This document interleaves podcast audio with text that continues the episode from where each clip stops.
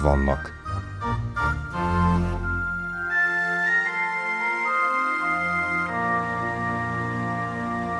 Világegyház Köszöntöm a kedves hallgatókat, Szerdahelyi Csongor vagyok. A pápa iránti hűségről, illetve az egyház egységének fontosságáról beszélgetünk pap Tihamér Ferences szerzetessel, a Ferences világi rend országos asszisztensével lévén a közelmúltban Tihamér atya világi rendiek számára tartott elmélkedést ebben a kérdésben. Tihamér atya, hogyan jutottál arra, hogy foglalkozni kezdj a pápa és a pápa iránti hűség kérdésével? Alapvetően a Ferences mi voltam. Szent Ferencnek a legfontosabb volt az egyházhoz, és természetesen a pápához való hűség. Olyan korban élt, amikor az egyház igencsak viharos időket élt, és sok mindenben torzult az evangélium megélése. Ferenc a korábban divatos különböző eretnek mozgalmakkal szemben a saját életén kezdte az egyház megújítását, és a példája azt mutatja, hogy 800 év után is aktuális és hatékony ez a megújulás. A Ferences világi rendnek vagyok az asszisztense, és így külön is fontosnak éreztem, hogy a Ferences világi rend tagjaihoz is eljuttassam ezeket a gondolatokat, segítsem őket a világban kavargó és sokszor az egyház keretein belül is kavargó gondolatok tisztázásához. Az egyház egységéről Nagy Szent pápa írja egyik elmélkedésében. Jó lehet Isten egyetemes egyháza különféle fokozatokra rendeződik, miként Krisztus szent testének az egésze is különféle tagokból áll, de mégis, mint az apostol mondja, minnyáján egyek vagyunk Krisztusban. Egyikünket sem különbözteti meg tisztsége annyira, hogy bármelyik legkisebb tag is ne lenne kapcsolatban a fővel. Osztatlan tehát a mi közösségünk a hit és a keresztség egységében, és egyetemes a méltóságunk. A boldog Péter apostol oly szent szava szerint, ti mint élőkövek, épüljetek fölé, lelki templommá, szent papsággá, hogy Istennek tetsző lelki áldozatokat hozzatok Jézus Krisztus által. Nagy Szent Leó pápa határozottan megfogalmazza az egyház egységének titkát és fontosságát. Ebből fakad mindannyiunk keresztény méltósága, melynek alapja a Krisztus földi helytartójával való közösségünk, hozzá való hűségünk. A sátán is tudja ezt. Ezért mindenkori célja, hogy ezt az egységet megbontsa. Az egyház történelmének kezdetétől voltak tévtanítók, egység ellen uszítók, gondoljunk csak Szent Pál szenvedéseire, a hamis testvérek támadása miatt, szinte minden apostoli levélben találunk erre utalást, figyelmeztetést. Fontoljuk meg azt is, hogy egyetlen pápa sem szentként kezdte szolgálatát, hanem szenté válhatott a szolgálatban való hűség útján, a megpróbáltatások elviselésével, Jézus azt a Pétert választotta ki kősziklának, akit az érzelmei nagyban befolyásoltak. Ezért szállt szembe a mesterrel, amikor ő a szenvedéseiről beszélt. Ezért tagadta meg Jézust a főpap udvarában, amikor a csodatevő nem védte meg magát a gyűlölet tombolásában. De ez a gyengeség még pünkös után is előbukkan, amikor a zsidó keresztények között nem vállal közösséget a pogányságból megtértekkel. Kétszínűségéért Pálapostól megfeddi őt az egész közösség előtt. Fontos ez a mozzanat, hiszen Pál továbbra is elfogadja Péter cikla alapnak, aki jóvá hagyja az ő pogányok között végzett küldetését. Korunk pápai is magukon hordják az emberi korlátokat, törékenységet, a Krisztustól kapott karizmával együtt. A hit nélküli világunk ezért támadja és folytat elszánt harcot az egyház egységének megbontására. Kemény és folyam, folytonos támadás éri a szikla alapot, azaz Pétert és utódait. Hiszen ha sikerül a pápa iránti bizalmat megrendíteni, akkor a megverem a pásztort és szétszélednek a jók alapján már az egyház is kikezdhető.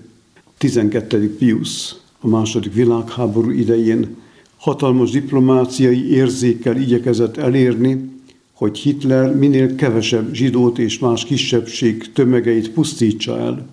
Utólag mégis az ellenkezőivel vádolták meg. A zsinat pápája 23. János mekkora megdöbbenés keltett a zsinat összehívásával, de azzal is, hogy 12. Pius pápa keménységével szemben derűs egyszerűséget és közvetlenséget képviselt. Túllépve a protokoll szabályain kiment az emberek közé, rémületbe ejtve testőreit. Maga második vatikáni zsinat a megújulás szellemével mennyi papnak és szerzetesnek törte ketté hivatását, akik nem tudtak túllépni a megszokottság keretein, vagy saját ítéletük és látásuk korlátain. Isten ugyanis valóban lehetetlen kíván tőlünk, amikor meghív az ő országának építésére. Nem a tervezést kéri tőlünk, hanem a kivitelezést. Mi pedig gyakran tartunk igényt az áttervezésre, a módosító javaslatunk figyelembevételére. Ezt tette Péter is, amikor Jézus az elkövetkező szenvedéséről beszélt nekik. Nem azt kínálja fel Jézusnak, hogy társaival nagy lelkűen részt vállalt benne, hanem védelmet ígér neki, hogy ez ne következzék be. Hatodik Pál pápa már utazó pápa lett, tanúsítva, hogy az egész világon elterjedt egyháznak pásztora. Humáné Vitae enciklikája csak nem egyház szakadáshoz vezetett, nagyon sok püspök és bíboros negligálta az általa közreadott tanítást a családi életről. Ő volt az a pápa, aki a második vatikáni zsinat rendelkezéseit gyakorlattá tette. Mennyi támadás, ellenkezés, tiltakozás, vagy éppen szakadás kísérte törekvését. Az emberi kudarcok, értetlenségek, tehetetlenségek terhével kellett megküzdenie, és mégis hinnie, hogy ez a hajó célja felé tart. Második János Pál pápa megkapta az Antikrisztus jelzőt sokaktól. Világutazásait nagyon sok támadás, ellenséges törekvés kísérte, hiszen mindenütt igyekeztek gátolni találkozását a hívekkel, a fiatalokkal, a várakozó emberekkel. Voltal kikapcsolták a hangosítást, és a több százezeres tömeg csak láthatta. Szociális, családi, ifjúsági és ökumenikus tanítása is sok ellentétet szítottak olyan körökben, akiknek más volt az érdekük, mint a hiteles Krisztusi élet. Utóda 16. Benedek pápa konzervatívabb volt stílusában, nagyon precíz a hitbeli tanításban, mégsem kerülhette el, hogy szavait félre ne magyarázzák, egész világra kiterjedt botrányjá ne fogozzák. Nincs olyan szent, akit a világ ne próbálna kikezdeni, meghamisítani, szavait félre magyarázni, iránta bizalmatlanságot szítani. A hazugságra előbb-utóbb fény derül, de mégis sokakat megzavar, elbizonytalanít, megbontja az egységet, megosztja az embereket. Ahogy szemléljük, minden pápa sajátos stílussal, kulturális háttérrel, életszemlélettel lépett Péter utódai sorába. Egyik sem utánozta elődjét, hanem saját karizmáját kamatoztatta.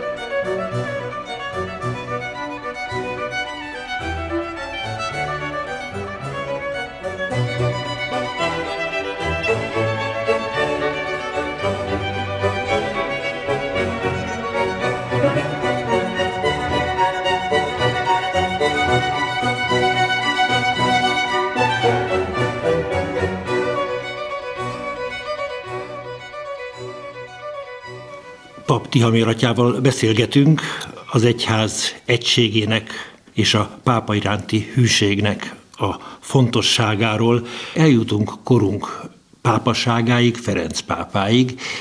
Nagyobb, erősebb támadás nehezedik rá, úgy érzi az ember, de lehet, hogy ez csak azért, mert a kommunikáció, a legkülönbözőbb médiumok ontják a híreket, és a zűrzavar, a hírözön talán kaotikusabb, mint korábban bármikor. Hogy nagyobb-e a támadás, mindenképpen olyan világban élünk, amely sokkal intenzívebben éri az életét, akár a pozitív irányban, akár a negatív irányban.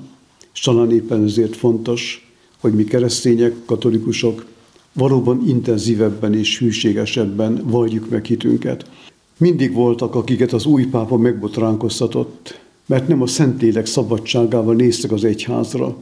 Ne csodálkozunk tehát, ha napjainkban is tapasztaljuk ezt a feszültséget, de tudnunk kell, hogy az egyház a Krisztus által kijelölt úton haladhat csak tovább, és az által adott alapra épülhet. Mégis mennyien feladják ezt az alapot, sokkal inkább bízva saját okosságukban, ízlésükben, elvárásukban, mint Péter utódjának Krisztusi küldetésében. Az egyházat nem csak kívülről éri támadás, hanem nagyon sokat árthat a belül támasztott bizonytalanság, a vihar sűrűjébe került híveknek és papoknak. Nézzük röviden a legutóbbi tényeket.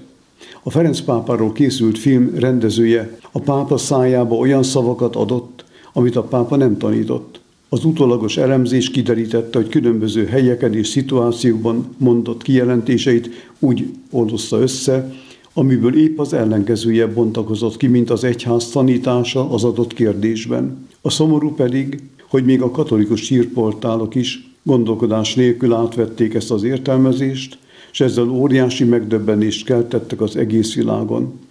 A gendervilág ünnepelt, a keresztény gondolkodású világ pedig döbbenten hallgatott, vagy botránkozott Ferenc pápán.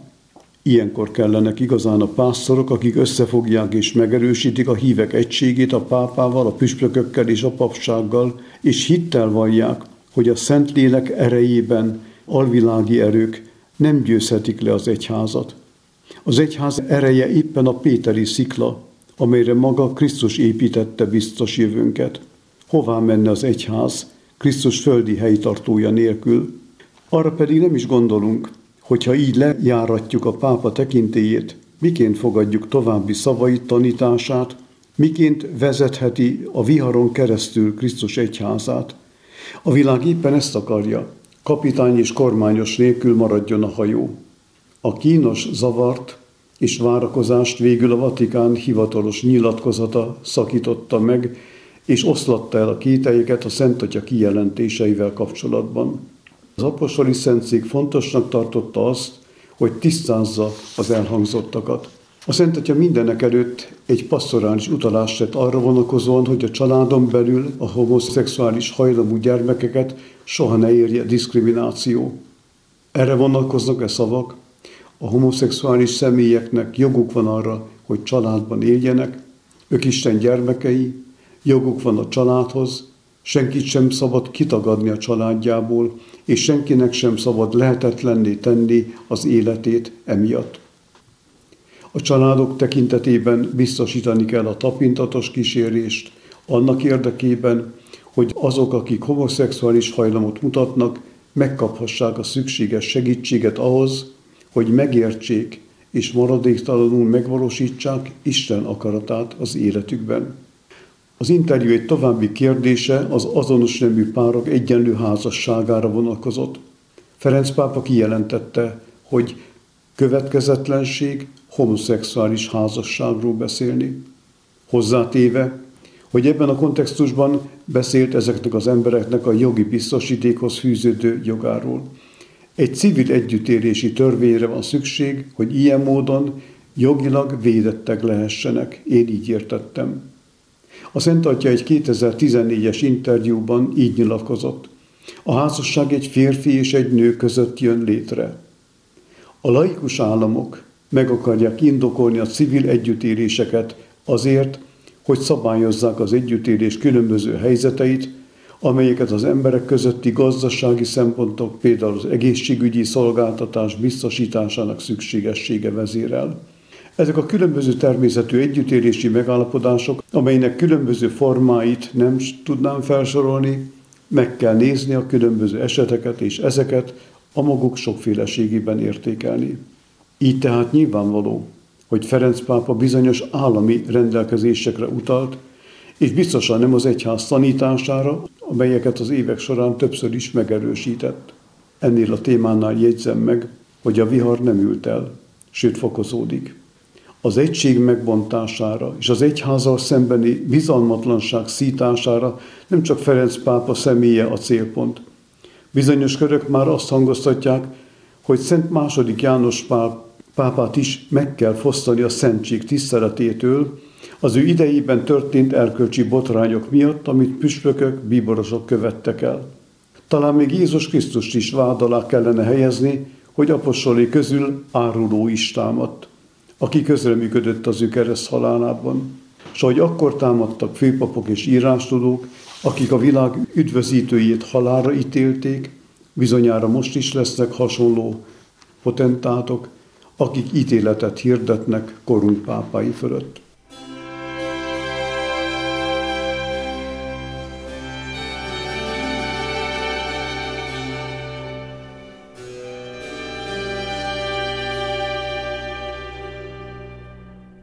A házasság és a homoszexualitás kérdésköre az egyik, amely mentén sok támadást kap Ferenc pápa, a másik azt hiszem a migrációval kapcsolatos álláspontja, illetve félreértelmezett álláspontja. Valóban ez a kérdés is olyan, amely nagyon alkalmas a félinformációk által a nyugtalanság, feszültség keltésére. Ferenc pápát is úgy tüntették föl, mint aki nem érti és nem védi Európát. Úgy vélték, kontroll nélkül fogadná bevándorlók tömegeit, nem törődve Európa keresztény gyökereivel és értékeivel. Ez a terület is alkalmas volt, hogy félelmet és megosztást szítsanak az emberek szívében. Érdemes ezért odafigyelnünk a Magyar Kurírban ez év november 3-án megjelent soraira. Találd meg újra önmegadat. Ferenc pápa nyílt levele Európának. Mai történelmi pillanatban, amelyben egységre van szükség, a megosztottság lehetősége ösztönzi a pápát arra, hogy megismételje, a járvány vízválasztóként működik, amely választással kényszerít bennünket, hogy előre haladunk az utóbbi évtizedben járt úton, amelyet egyoldalú törekvések hatnak át, és amely növekvő meg nem értéssel szembenálláshoz és konfliktushoz vezet, vagy újra felfedezzük a testvériség útját. A háború utáni Európa kezdettől fogva abból a meggyőződésből táplálkozott, hogy együtt erősebbek vagyunk, hogy az egység fontosabb a konfliktusnál, valamint, hogy a szolidaritás segítségével építetjük a jövőt. Találd meg újra önmagadat. Európa számára annyit jelent, hogy újra rá kell találni azokra az eszmékre, amelyek mélyen gyökereznek a kontinensben, a pápa szerint ez azt jelenti, hogy évezredes történelmünk nem a múltra, hanem inkább a jövőre néző ablak. Tehát nem kell félni az igazság iránti igénytől, amely a görög filozófia alapvető kérdés felvetése. Nem kell félni az igazságosság iránti igénytől, amely a római jogban fejeződik ki. És nem kell félni az örökké valóság iránti igénytől sem, amelyet a zsidó és a keresztény hagyomány találkozása gazdagított. Ferenc pápa ezekre az értékekre alapozva fogalmazza meg négy álmát. Az egyén és az egyének iránti barátságos Európáról álmodik. Egy olyan helyről, ahol mindenki méltóságát tiszteletben tartják, ahol az emberi személy önmagában értéket jelent, és nem gazdasági számítások vagy kereskedelmi javak tárgya. Olyan Európáról álmodik, ami ezzel az érzékenységgel védelmezi az életet, a munkát, az oktatást, a kultúrát, és óvja a legtörékenyebbeket és leggyengébbeket, kiváltképpen az időseket, a betegeket, akiknek költséges kezelésekre van szükségük, és a fogyatékkal élőket. A pápa második álma egy olyan Európa, amely egy család, a népek családja, amely képes egységben élni, Kincsnek tekinti a különbözőségeket, kezdve attól az alapvető eltéréstől, ami egy férfi és egy nő között van. Ferenc pápa harmadik álma az, hogy Európa szolidáris és nagylelkű, befogadó és vendégszerető, ahol a szeretet a legnagyobb keresztény erény legyőzi a közöny és az egoizmus minden formáját. A szolidáris viselkedés magában foglalja, hogy közel lépek a másikhoz, Európa számára ez annyit jelent, hogy készségesen elkötelezi magát a nemzetközi együttműködésen keresztül más kontinensek, kiváltképp Afrika támogatására. Európa segítse a fekete kontinenst, hogy a számos konfliktustól megszabadulva, amelyek sújtják, megerősödjön. Ferenc pápa negyedik álma egy olyan Európa, amely egészségesen laikus, ahol Isten és császár elkülönülnek, de nincsenek szembeállítva egymással. A pápa szerint ez egy olyan földet jelent, amely nyitott a transzcendensre, ahol a hívő szabadon és nyilvánosan megvalhatja hitét, illetve ahol felkínálhatja saját nézőpontját a társadalomban. A Szent Atya reálisan látja az ember törékenységét, minden nemes vágya mellett az esendőségét. Érzékeli a nagy vajudást, amely kíséri a jövőbe tekintő várakozásunkat. Tudja, hogy az egyház feladata, hivatása, a remény fenntartása, az éltető források megnyitása. Bármilyen vihart érzékelünk, Krisztus velünk van, s tőlünk, mai keresztényektől is megkérdezi, amit tanítványaitól, mit féltek, kicsinyhitűek. A vihart túléljük, de csak Krisztusra tekintve, benne való hittel. Ha figyelünk a Szent Atyára, tapasztalni fogjuk, hogy olyan gazdag kincstárba vezet, amely fölvértez a mai világ minden támadásával szemben, képesítesz arra, hogy az egység útján valóban Isten országát építsük, és annak részesei legyünk. De ehhez igényesnek kell lennünk, és nem a világ tolmácsolásával, a megvezetett vagy megvezető hírügynökségek közvetítésével kell látnunk őt, hanem tiszta forrásból merítve, a bizalom és szeretet légkörében, mint pásztort kövessük őt. Tihamir atya, hogyan éled meg Ferencesként, hogy most olyan pápa áll az egyház élén, aki Assisi Szent Ferencet választotta védőszentjéül, és aki három eddigi enciklikája közül kettőnek a kezdő szavait Assisi Szent Ferenctől kölcsönözte. Úgy tűnik, Szent Ferenc nagyon időszerű. Magam is úgy érzem, hogy nem szabad kétségbe esnünk attól, hogy viharos világban élünk, hanem megtiszteltetés a Jóistentől, hogy éppen ebben a világban élhetjük a magunk életét, ismerhetjük az evangéliumot, és személy szerint a Ferences mi voltomban nagy ajándéknak tekintem, hogy azt a Szent Ferencet követhetem, aki oly közel került a megtestesült igéhez, aki annyira emberként látta az üdvözítőt, és valósította meg a mindennapi életben. Az ő aktualitása sohasem vészel az egyházból, hiszen alapvetően az evangélium megélése, megvalósítása mindannyiunk célja. Köszönöm a hallgatók figyelmét Pap Tihamér atyával, a Ferences Világirend országos asszisztensével beszélgettünk. Keceli Zsuzsa zenei szerkesztő nevében is búcsúzik a szerkesztő, Szerdahelyi Csongor.